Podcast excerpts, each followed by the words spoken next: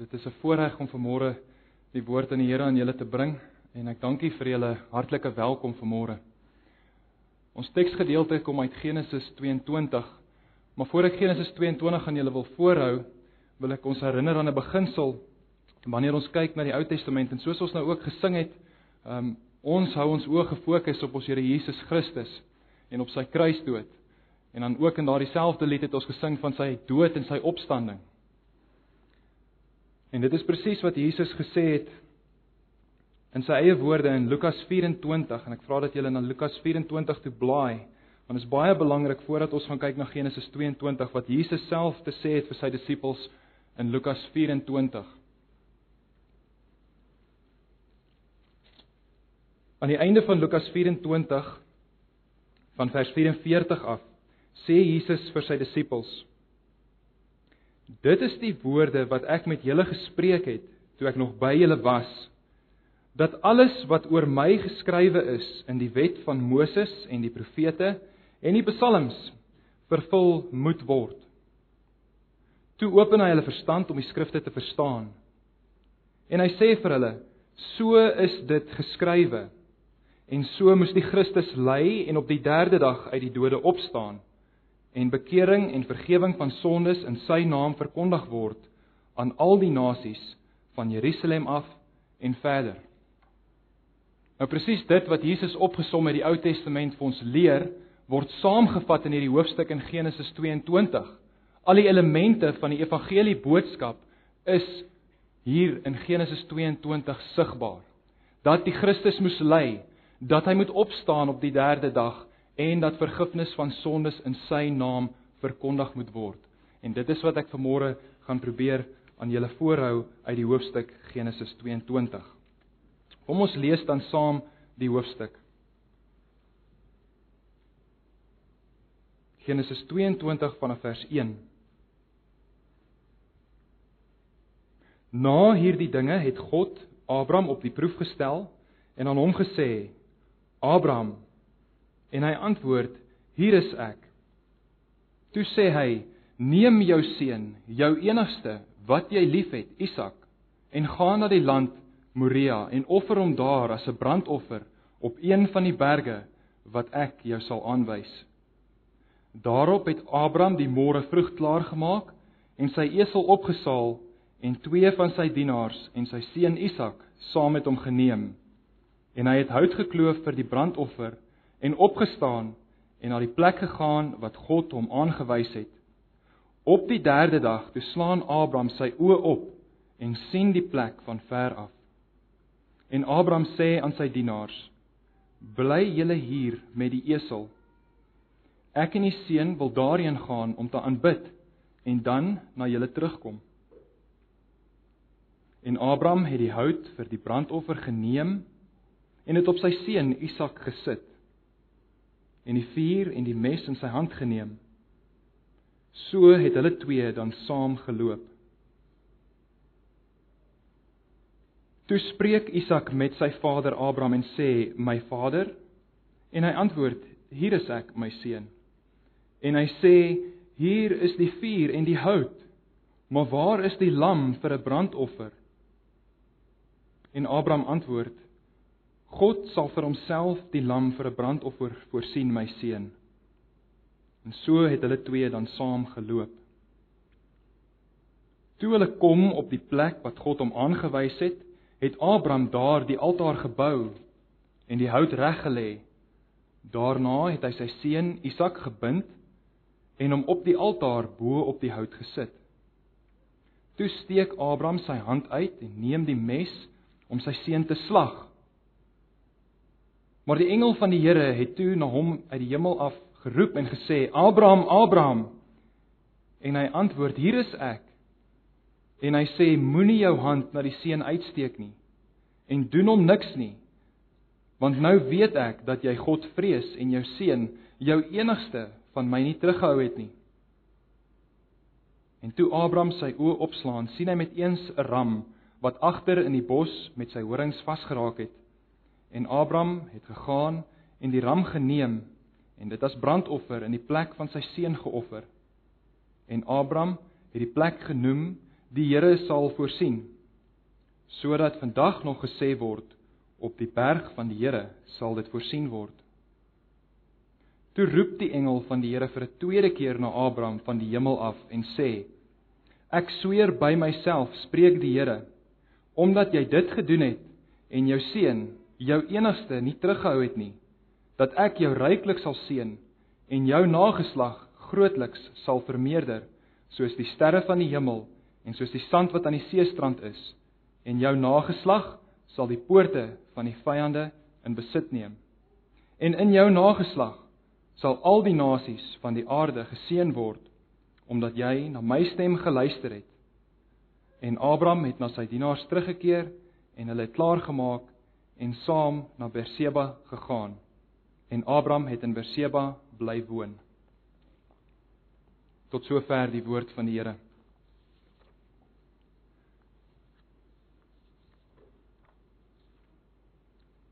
Soos wat ons dan die teks gelees het, sal julle ook agterkom hierdie verhaal speel hom dan ook af in 3 afdelings, in 3 afdelings. Daar's 3 bewegings in hierdie teksvers. En elke keer word hierdie bewegings in die teksvers vir ons aangedui deur die aanroep van Abraham.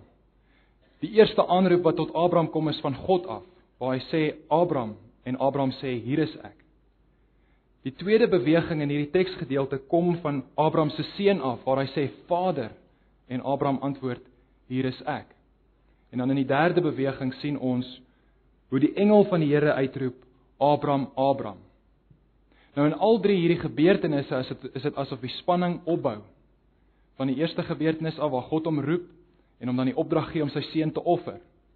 En dan ondervind ons die hoogtepunt amper van hierdie teksgedeelte in in Isak se woorde aan sy vader Abraham om te vra waar is die lam van die brandoffer?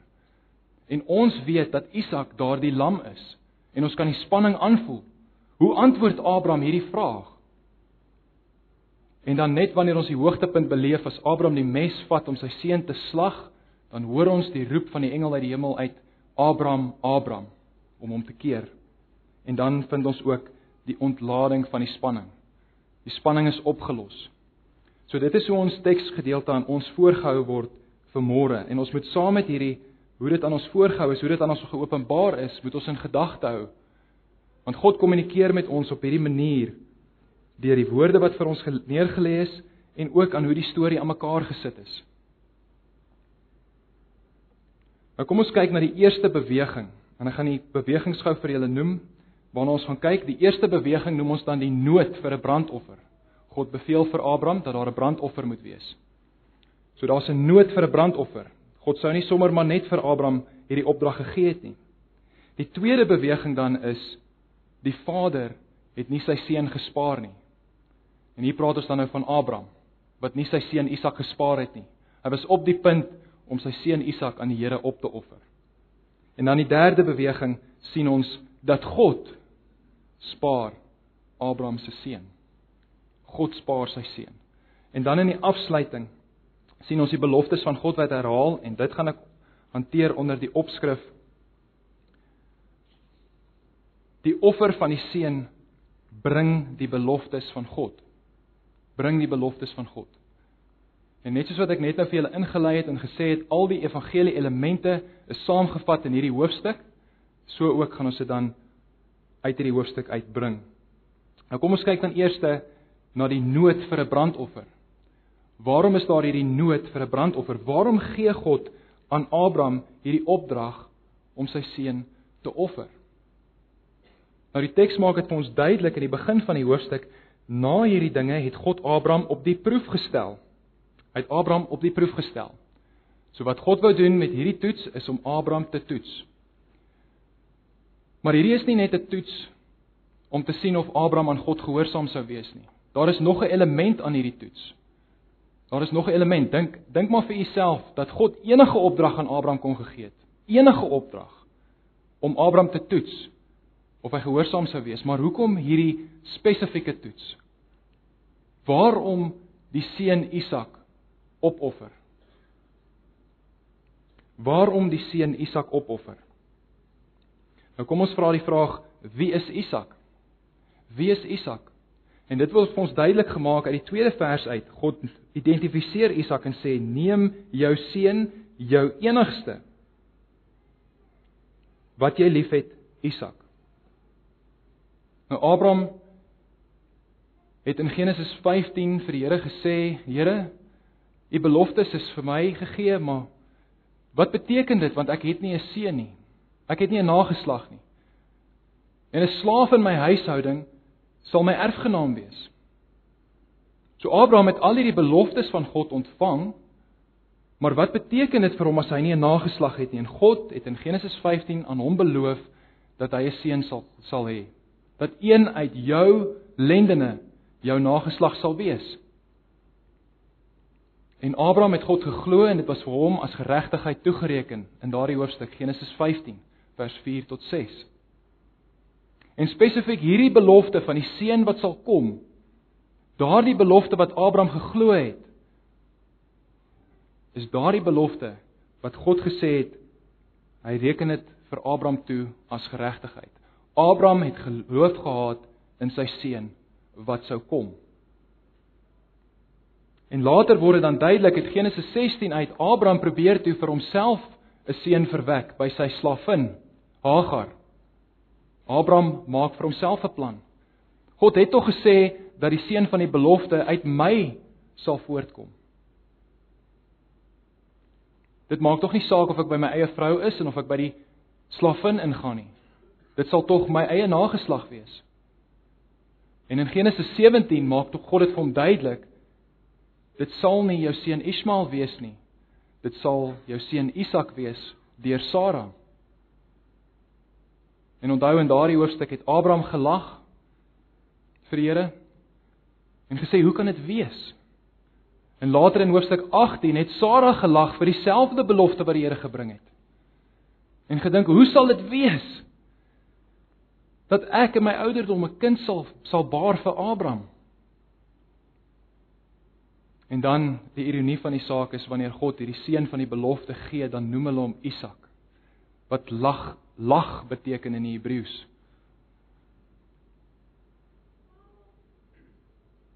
herinnering dat God sy belofte kan nakom. In die gesig daarvan dat Abraham en Sara nie geglo het in hierdie belofte van God nie.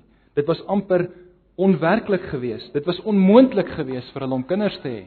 En God het hierdie belofte aan hulle gemaak. En dan ook die seun aan hulle gegee. Nou as ons nou deur hierdie beweging gaan met hierdie afwagting van die seun wat sou kom en nou is die seun uiteindelik hierso. Kom ons op hierdie punt waar die seun nou al groot geword het. En Abraham dink die beloftes van God is nou aan my vervul en dan kom God met hierdie toets. Hierdie spesifieke toets om vir Abraham te sê: "Neem hierdie seun. Jou enigste seun." Wag so 'n oomblik. Ons het gesê dat Abraham twee seuns gehad het, Ismael en Isak. Hoekom identifiseer God nou vir Isak as die enigste seun? Waar is Ismael? Waarom is Isak geïdentifiseer as die enigste seun? Dan wil ek julle herinner aan Genesis 21. In Genesis 21 was Isak 'n jong seun gewees en Ismael het hom vervolg. Ismael was op daardie punt al omtrent 13 of 14 jaar oud gewees en hy het die seun van Sara geterg. Hy het vir Isak geterg. En op daardie stadium was Isak maar 3, 2 of 3 jaar oud gewees. Hy was 'n klein seentjie gewees. En Sara was woedend geweest oor hierdie gebeurtenis en wat watter woorde gebruik sy om te sê dat Ismael en sy ma Hagar weggestuur moet word. Sara sê dat die seun, my seun, sal nie erf saam met die seun van die slaaf nie. En later in die Nuwe Testament in Galasiërs sien ons dat Paulus hierdie woorde van Sara aanhaal en sê die skrifte sê dat die seun van die slaaf nie saam met die seun van die vry sal erf nie. So in Genesis 21 is Ismael onterf. Hy sy erfporsie ontneem as die eerste seun van Abraham. Isak is al wat oor is. En Isak is al wat moes oorbly vir Abraham omdat die beloftes deur Isak is. God sou sy beloftes aan Abraham deurkom nakom deur sy seun Isak. Nou met alles wat afhang van die seun Isak, die seun van die belofte, kom God en hy vra vir Abraham: "Offer jou seun op. Offer hom aan my as 'n brandoffer." En dan sien ons die toets is baie spesifiek ook. Nie net enige offer nie, maar 'n brandoffer. Wat is 'n brandoffer en waarvoor is 'n brandoffer? Waarvoor is dit? Wil julle herinner aan Levitikus 1? Gaan lees dit vir julleself in julle stilte tyd. Levitikus 1 maak vir ons bekend waarvoor die brandoffer is en hoe die brandoffer gelyk het. En hoe 'n Israeliet wat hierdie vir die eerste keer lees, die brandoffer sou verstaan. En hoe Abraham hierdie brandoffer moes verstaan. Dis 'n spesifieke offer wat God ingestel het om vir sonde die prys te betaal. Nou die beeld van die brandoffer is dat hierdie die dier wat aangewys is om geoffer te word in Levitikus 1 heeltemal vernietig moes word en opgebrand moes wees deur vuur. En die rook van daardie brandoffer het opgegaan na die Here as Ekskuus tog, die Engelse woord is nou in my kop. As 'n 'n geruste as 'n as 'n reuk tot die Here, 'n aan 'n lieflike geur tot die Here.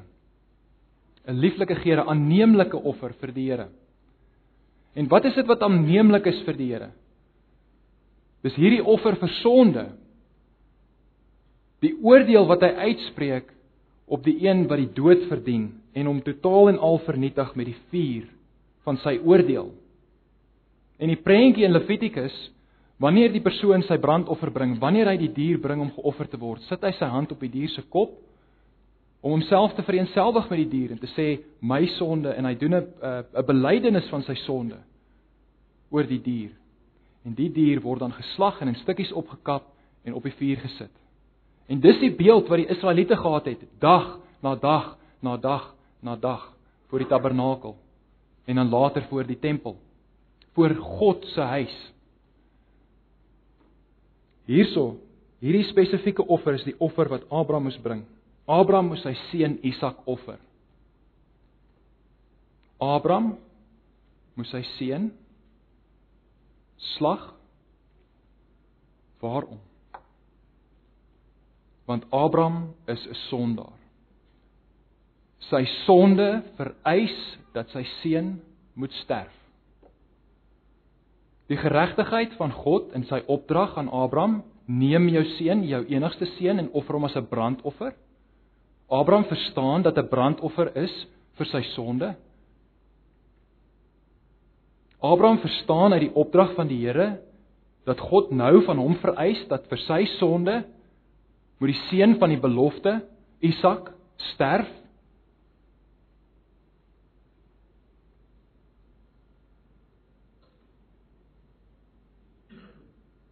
Hoe dink jy dit vir Abraham laat voel of laat dink oor hierdie situasie. Hoe moes hy besef het hoe swaar sy sonde is? Dat al die beloftes van God wat aan hom gegee is in hierdie een seun Isak, alles is van hom afhanklik. Maar God se geregtigheid vereis van hom dat daardie seun nou moet sterf.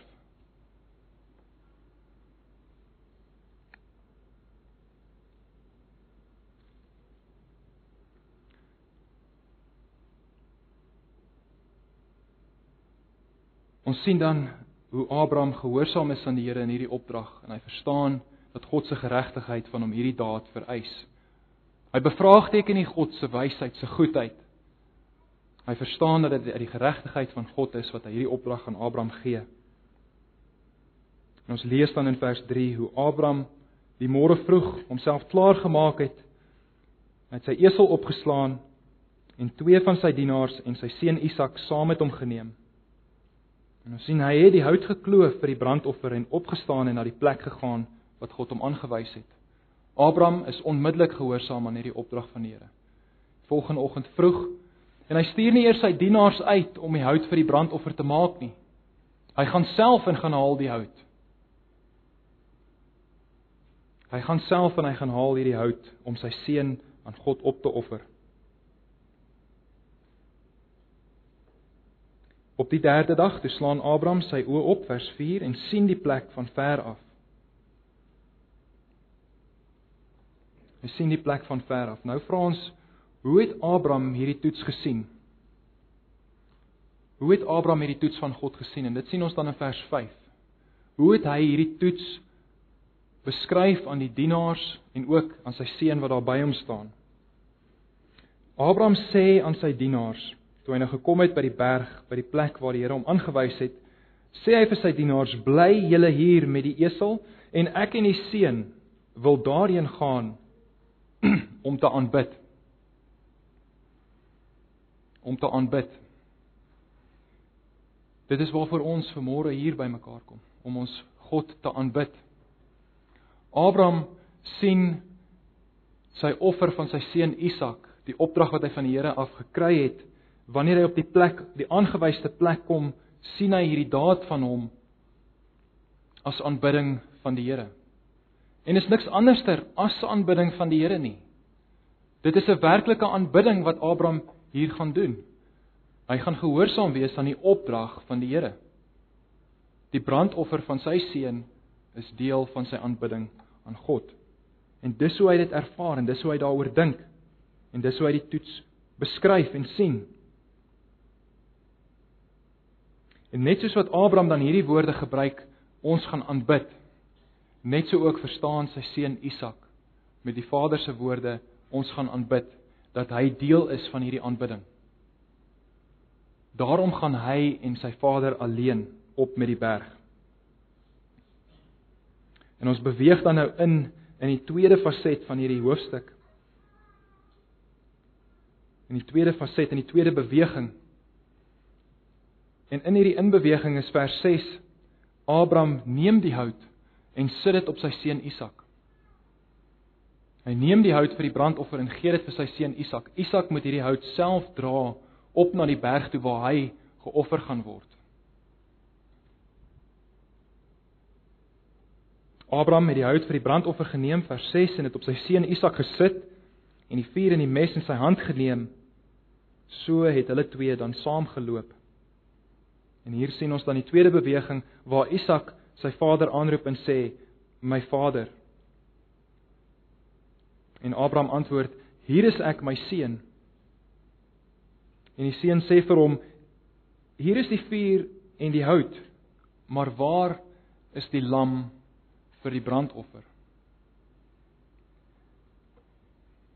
Kan nie dink watter skok dit vir Abraham moes wees. As jy in 'n ongemaklike situasie is, as jy jouself in 'n ongemaklike situasie bevind waar jy net wil stil wees en dalk jou eh, die hierdie hierdie gebeurtenis oorkry, verby verbykry, wil jy dit met die minste weerstand en en en teenstand doen. Jy wil amper net met jou eie gedagtes besig wees wanneer jy 'n moeilike taak op hande het. En hier onderbreek Isak hulle wandeling na bo op die berg toe. En Isak vra amper 'n onmoontlike vraag hier. So hy vra: "Vader, hier is die vuur en hier is die hout. Maar waar is die lam vir die brandoffer? Isak weet nog nie dat hy die offer is nie. Abraham sy vader het dit nog nie aan hom bekend gemaak dat hy die een is wat geoffer moet word nie. Gaan Abraham dit doen? Gaan hy vir sy seun sê dat jy die offer is? Hoe antwoord Abraham hierdie vraag? Vers Hoe antwoord hy hierdie vraag? Abraham sê God sal vir homself die lam vir 'n brandoffer voorsien, my seun. God sal vir homself die lam vir 'n brandoffer voorsien. Nou dink jy Abraham was oneerlik geweest met sy seun? Hy dalk die waarheid bietjie weggesteek vir sy seun om hom nie te skok met die waarheid dat hy die een is wat geoffer moet word nie. Hy sê vir sy seun God sal vir homself die lam vir 'n brandoffer voorsien. God is die een wat die lam sal aanwys vir die brandoffer. God sal aan ons wys wat geoffer moet word. En die spanning bou op en dit bou op en dit bou op. So het hulle twee dan saamgeloop aan die einde van vers 8. En weer eens vers 9 toe kom hulle op die plek wat God hom aangewys het. En Abraham het daar die altaar gebou, Isak sy seun by hom. Abraham het die hout reggelê. Daarna het hy sy seun Isak gebind en hom op die altaar bo op die hout gesit. En Isak besef met alles wat gebeur dat hy die een is wat geoffer moet word. Dat hierdie aanbidding wat sy vader vroeër van gepraat het en dat hierdie lam wat God sal voorsien Isak self is. En die teks maak vir ons geen aanduiding dat Isak teëgestribbel het nie. Maar Isak het wel genoeg verstand gehad om te weet dat hy geoffer gaan word. En hoe hy homself totaal en al oorgee ook in hierdie offer. En toe te laat dat sy vader hom vasbind en hom op die brandstapel sit om geoffer te word.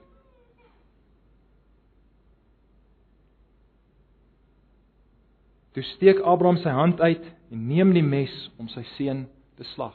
Abraham was gereed om vir Isak te offer aan die Here. Die hoogtepunt, die klimaks van hierdie hoofstuk.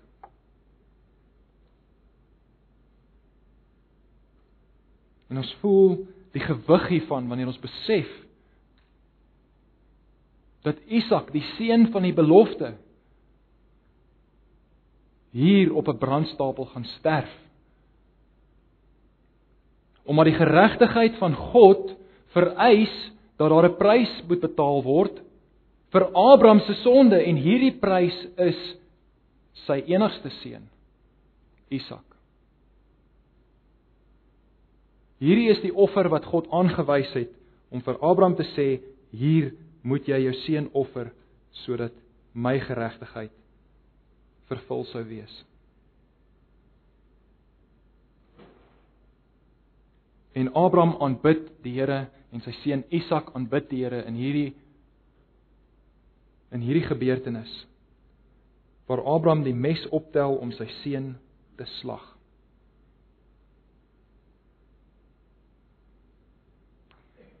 Ons moet baie versigtig wees om te dink dat Abraham hier sommer net deur die bewegings gegaan het. Baie mense sal dalk sê, maar Abraham het geweet dat alles oukei sal wees aan die einde. Hebreërs sê vir ons Abraham het geloof gehad om te dink dat sy seun uit die dode opgewek kan wees deur die krag van die Here. Hy het geloof gehad dat selfs al gaan hy deur met hierdie offer, selfs al slag hy sy seun en sy seun word verbrand, dat God Isak aan hom kan teruggee van die dood af. So Abraham het nie maar net deur emosies gegaan en geweet dat God 'n lam sou stuur in die plek van sy seun Isak nie. So asof hy die mes net speel speel na Isak toe gebring het om te sê ek sal doen wat u wil en die Here keer hom daarso nie. Abraham was opreg in sy gehoorsaamheid aan die Here.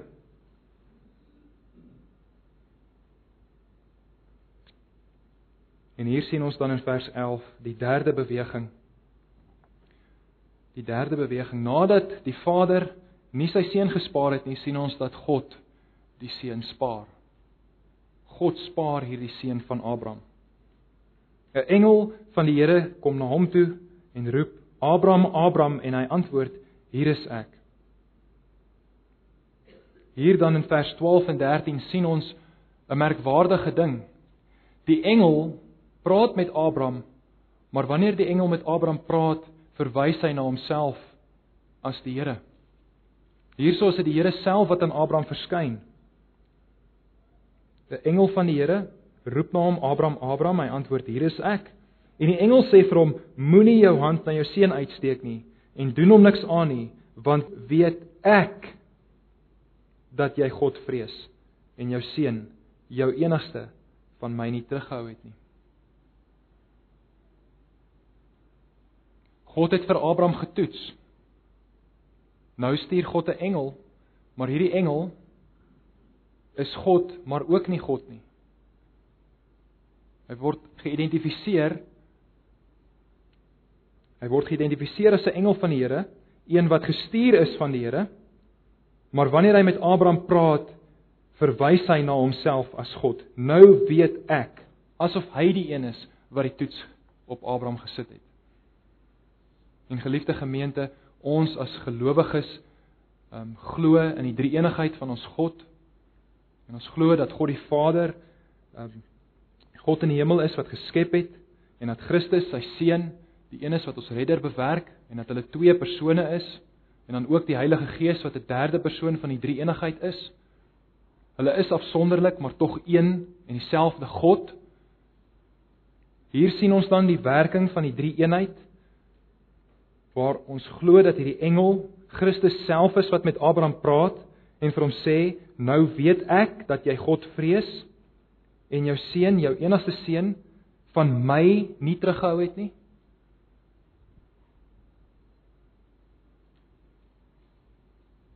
Broers en susters, en ons moet eerlik met mekaar wees. Abraham het nie sy seun gespaar nie.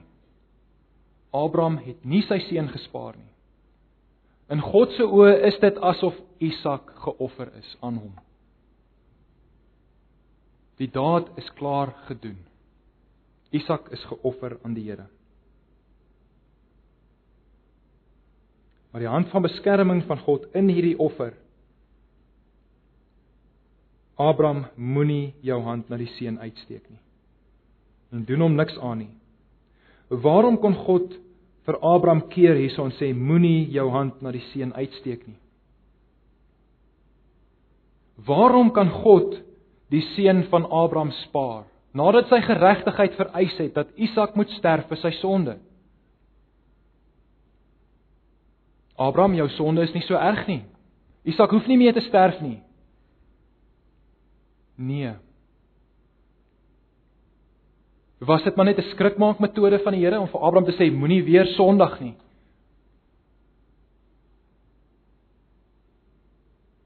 Broers en susters, God kon vir Isak spaar. Want in God se voorsienigheid het hy sy eie seun nie gespaar nie.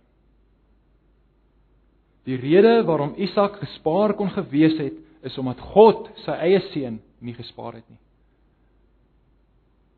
Die enigste offer wat gebring kan word in Isak se plek is nie net 'n ram nie. Is nie net nog 'n dier nie. Dis God se eie seun. Nou mag jy dalk vra maar verstaan Abraham dit so? Het God dan nie vir hom 'n ram gegee in hierdie hoofstuk nie om te offer? Ja, hy het. Hy het vir hom 'n ram gegee. Vers 13. Toe Abraham sy oë opslaan, sien hy met een se ram wat agter 'n bos met sy horings vasgeraak het. En Abraham het gegaan en die ram geneem en dit as 'n brandoffer in die plek van sy seun geoffer. Wonderlik hoe die Here voorsien het dat daar 'n ram moet wees in die plek van Isak. Hoe verstaan Abraham die offer van hierdie ram op hierdie berg in hierdie teksgedeelte. Ek het die stelling gemaak en gesê Abraham moet verstaan dat hierdie ram nie genoegsaam is om in die plek van Isak te wees nie. Die ram is maar 'n tydelike plekhouer totdat Jesus Christus sou kom om in Isak se plek te sterf. Broeders en susters, en hier maak die teks vir ons duidelik dat Abraham verstaan het dat daar 'n toekomstige offer is wat geoffer moet word. Vers 14. Abraham het die plek genoem die Here sal voorsien. Merkwaardig daardie woordjie sal voorsien. Het die Here nie nou net 'n ram voorsien nie? Het Abraham nie nou net 'n ram in die plek van sy seun Isak geoffer nie? Broers en susters, dit gaan nie net om daardie ram wat daar geslag is nie. Abraham sê die Here sal voorsien.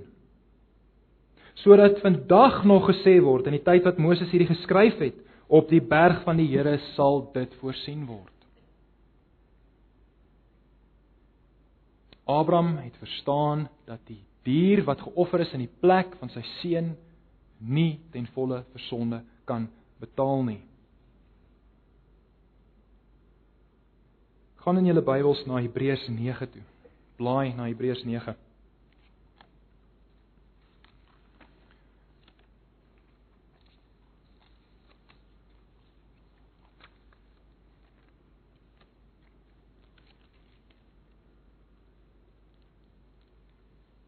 Hebreërs 9 vers 22.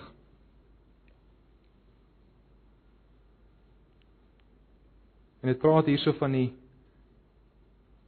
die Levitiese priesters en dan ook die offer die offers in die Ou Testament ehm um, wat Israel geoffer het en sê in vers 22 dan byna alles word met bloed gereinig volgens die wet.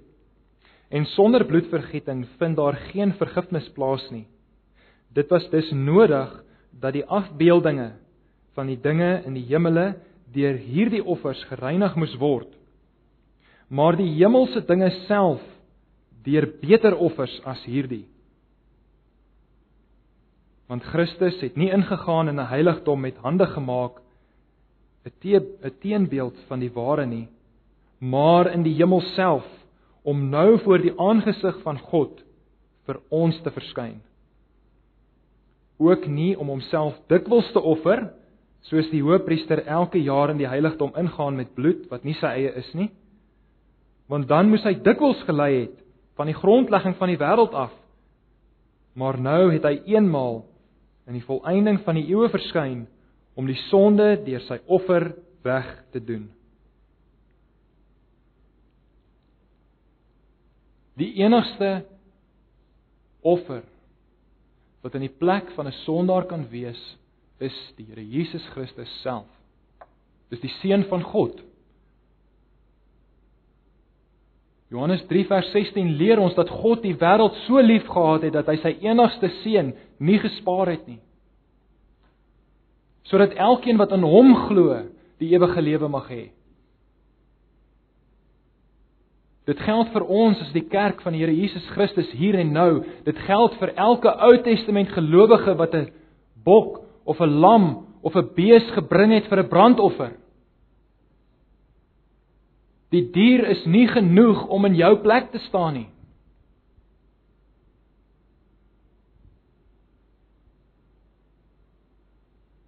Die brandoffers wat ingestel is vir Israel in die Ou Testament was om hulle heen te wys na die offer van die Here Jesus Christus wat sou kom.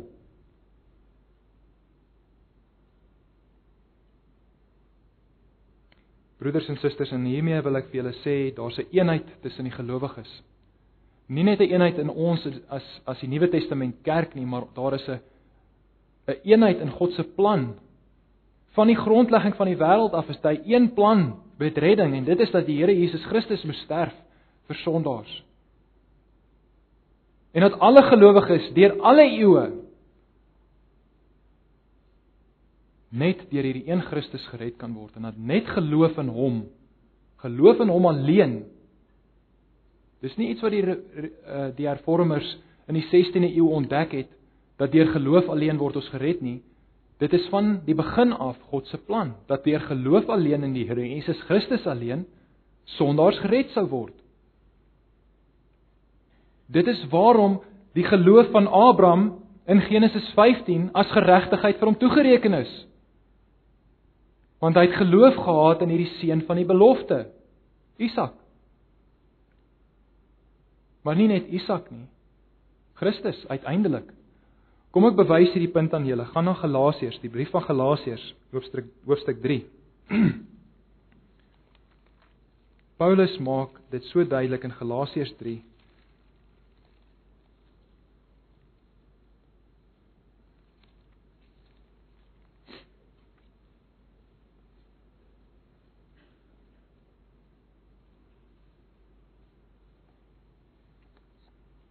Galasiërs 3 vanaf vers 8. Ek gaan eers net vers 8 lees. Die skrif wat voor uitgesien het dat God die heidene uit die geloof sou regverdig, het vooraf aan Abraham die evangelie verkondig met die woorde: In jou sal al die volke geseën word. Die evangelie boodskap aan Abraham is in hierdie woorde saamgevat. Is wat vers 8 vir ons sê: In jou sal al die volke geseën word. Gaan dan nou terug na Genesis 22 toe. Genesis 22 aan die einde van daardie hoofstuk waar die engel vir 'n tweede keer met Abraham spreek. Vers 18 Herhaal die engel hierdie belofte aan hom: In jou nageslag sal al die nasies van die aarde geseën word. Die evangelie boodskap aan Abraham verkondig in hierdie hoofstuk, hoofstuk 22, net nadat hy sy seun geoffer het. Waarom is hierdie belofte daar van vers 18? Waarom gee God hierdie belofte in jou nageslag sal al die nasies van die aarde geseën word? Vers 16. Ek sweer by myself, sweer die Here, omdat jy dit gedoen het en jou seun, jou enigste seun, nie teruggehou het nie. Vers 17 sal ek jou ryklik seën, ek sal jou nageslag grootlik vermeerder en jou nageslag sal die poorte van sy vyande besit neem en jou nageslag in jou nageslag sal al die nasies van die aarde geseën word. Abraham, omdat jy gehoorsaam was, jou seun Isak geoffer het, is al hierdie verbondsbeloftes, al hierdie evangeliebeloftes vir jou bevestig deur jou gehoorsaamheid. Het Abraham hierdie verlossing, hierdie beloftes dan gekoop met sy gehoorsaamheid? Nee. Abraham het dit nie gekoop met sy gehoorsaamheid nie. God het dit vereis. God het hierdie offer vereis en Abraham was gehoorsaam en omdat Abraham gehoorsaam was, omdat Abraham dan gehoorsaam was aan die Here se opdrag, aan die Here se beloftes en op hom vertrou het, Daarom kan hy deel kry aan hierdie beloftes.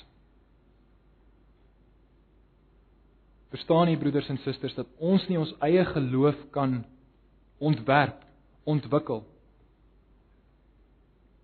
Die geloof wat ons het is omdat God aan ons sekere dinge openbaar het uit sy woord, sy seun aan ons geopenbaar het. Hy wys vir ons die pad en ons gehoorsaamheid moet in lyn wees met sy woord. En ons sien dan ook die voorbeeld hierso van Abraham toe hy gehoorsaam was aan die Here, het al hierdie beloftes van krag geword.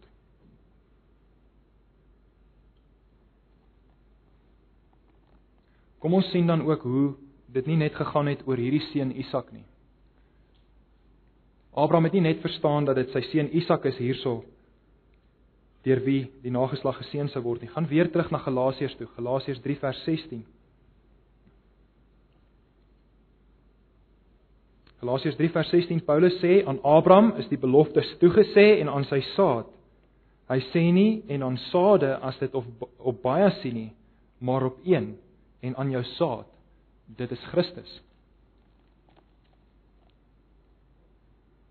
Hoe het dit vir ons duidelik geword uit die Ou Testament uit dan dat dit nie Isak is wat die seun van die belofte is nie. Maar goed, net nadat Abraham sy seun geoffer het aan die Here, maak hierdie Here hierdie evangelie belofte aan hom in jou nageslag sal al die volke van die aarde geseën wees. En dan weer aan Abraham se seun Isak aan Abraham se seun Isak in Genesis 26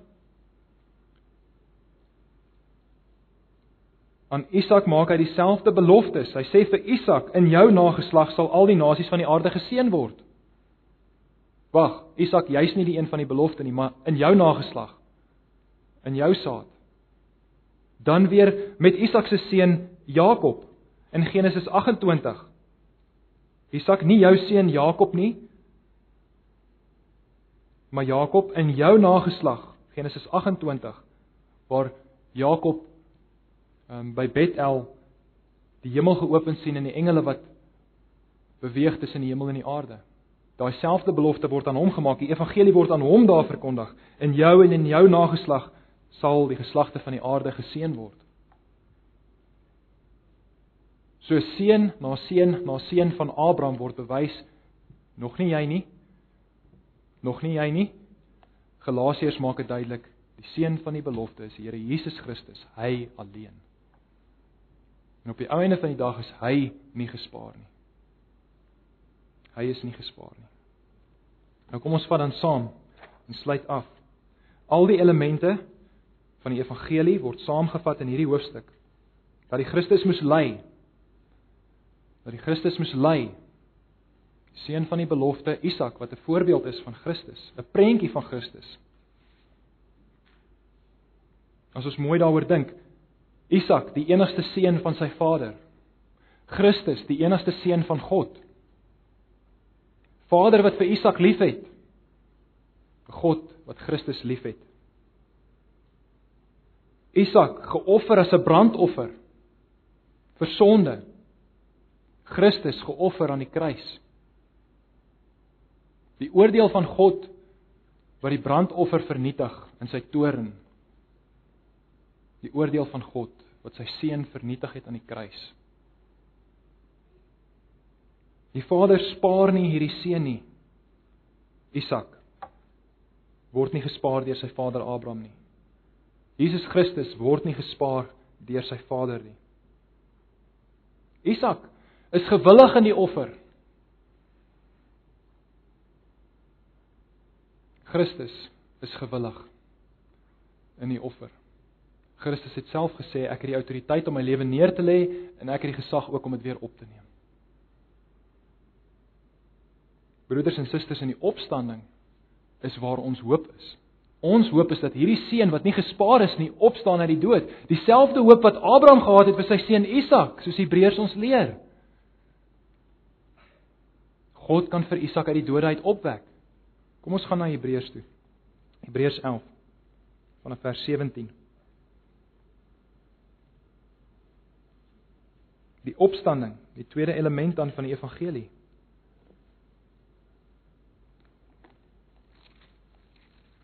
So die Christus moes ly. Moes opstaan uit die dood uit. Galasiërs 11 vanaf vers 17. Deur die geloof het Abraham, toe hy op die proef gestel is, Isak geoffer. Ja, hy wat die beloftes ontvang het, het sy enige gebore geoffer. Aan wie gesê is in Isak sal jou nageslag genoem word, want hy het gereken dat God mag het om homself uit die dode op te wek daaruit waaruit? Uit die dode. Het hy hom ook terug ontvang? So te spreek terug ontvang. Het Isak uit die dode uit opgestaan? Hebreërs 11 sê dit in soveel woorde. Abraham het vir Isak uit die dood uit terug ontvang. Broers en susters Ons woorde van ons Here Jesus Christus in Lukas 24 sê dat die Christus moes ly en in 3 dae weer opstaan. Nou is dit dan vir ons belangrik om te weet dat die tyd wat dit geneem het vir Abraham om sy seun te gaan offer op die berg 'n 3 dag reis was. Wanneer is Isak geoffer aan die Here? Ons verstaan dis uit die intensie van Abraham se hart uit dat hy sy seun moet gaan offer. Die oomblik toe Abraham gehoorsaam was aan die Here, is dit asof Isak geslag is. Abraham het 3 dae wat hy weet, my seun is dood, my seun is dood, my seun is dood. Hy moes alreeds afskeid neem van sy seun die oomblik toe hy die opdrag ontvang het en besluit het ek gaan deur met hierdie ding. Vir Abraham was sy seun Isak so goed soos dood. Die woord van die Here wat gevra het dat Isak geoffer moet word, maak dat vir Abraham sy seun dood is. Hebreërs sê dit in soveel woorde, uit die doodheid het hy hom terug ontvang. Hier is die evangelie dan duidelik aan Abraham verkondig in die Ou Testament reeds. Al die elemente daarvan. Die lyding van die seun van die belofte. Die opstanding. En dan die evangelie boodskap aan al die nasies dat in hierdie seun al die nasies geseën sal word.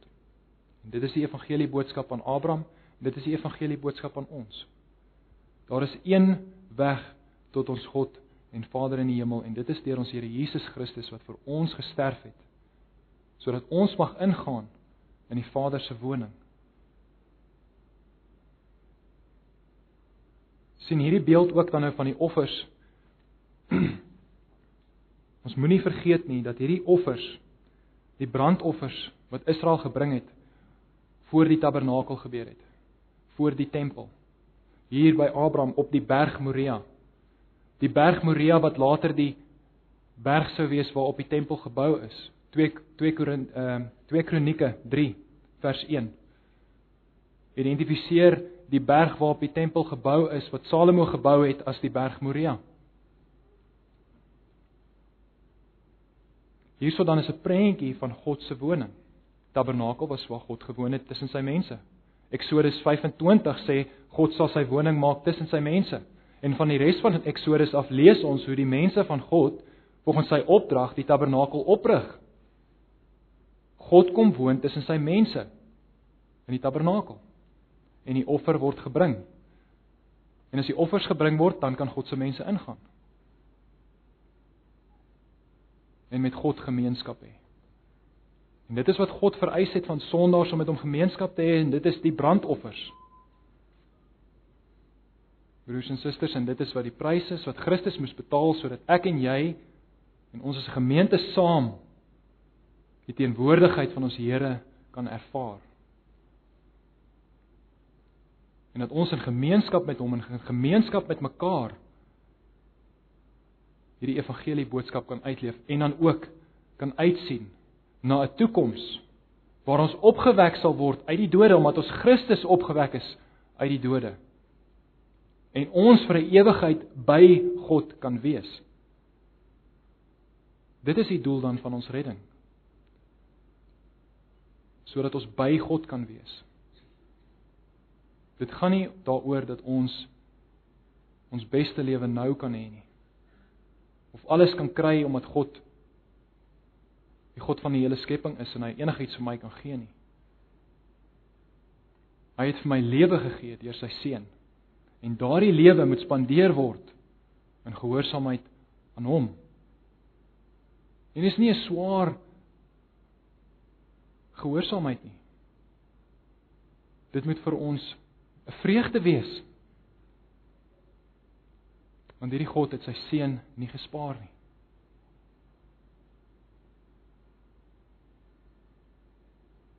Kom ons bid saam.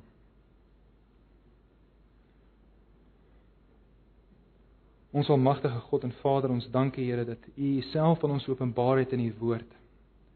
Ons dank U dat U U seun gestuur het, ons Here Jesus Christus wat vir ons sondes gesterf het. Ons dankie ook dat hy die dood uit opgestaan het en dat ons daarom kan weet dat die dood nie die oorwinning sal hê nie. Here, dan herinner ons ons aan die belofte wat gesê het dat die seun van Isak die poorte van sy vyande in besit sal neem. Dan dink ons ook aan die woorde van ons Here Jesus Christus wat gesê het die poorte van die hel sal die kerk nie oorweldig nie, Here. Wat 'n vreugde is dit om aan u huishouding te behoort. Dat ons deel kan wees van u gemeente. Dankie vir die dierprys wat u betaal het. Here, uit is uit onsself uit bring ons niks.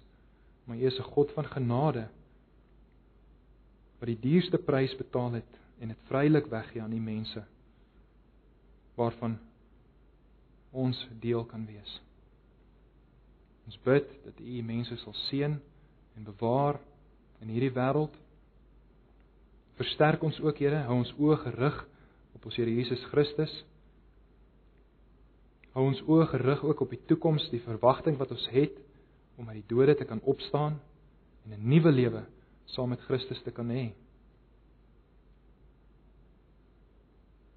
Ons bid en vra dat U met ons sal wees skenk aan ons genade en help ons ook Here om heilig te wees met 'n heilige vrees vir hierdie God wat vereis dat daar 'n prys vir sonde moet betaal word. Ons dank U vir die liefde en die genade. Mag die Here sy aangesig oor ons verhef en ons genadig wees. Mag die Here sy aangesig oor ons verhef en aan ons vrede gee. Amen.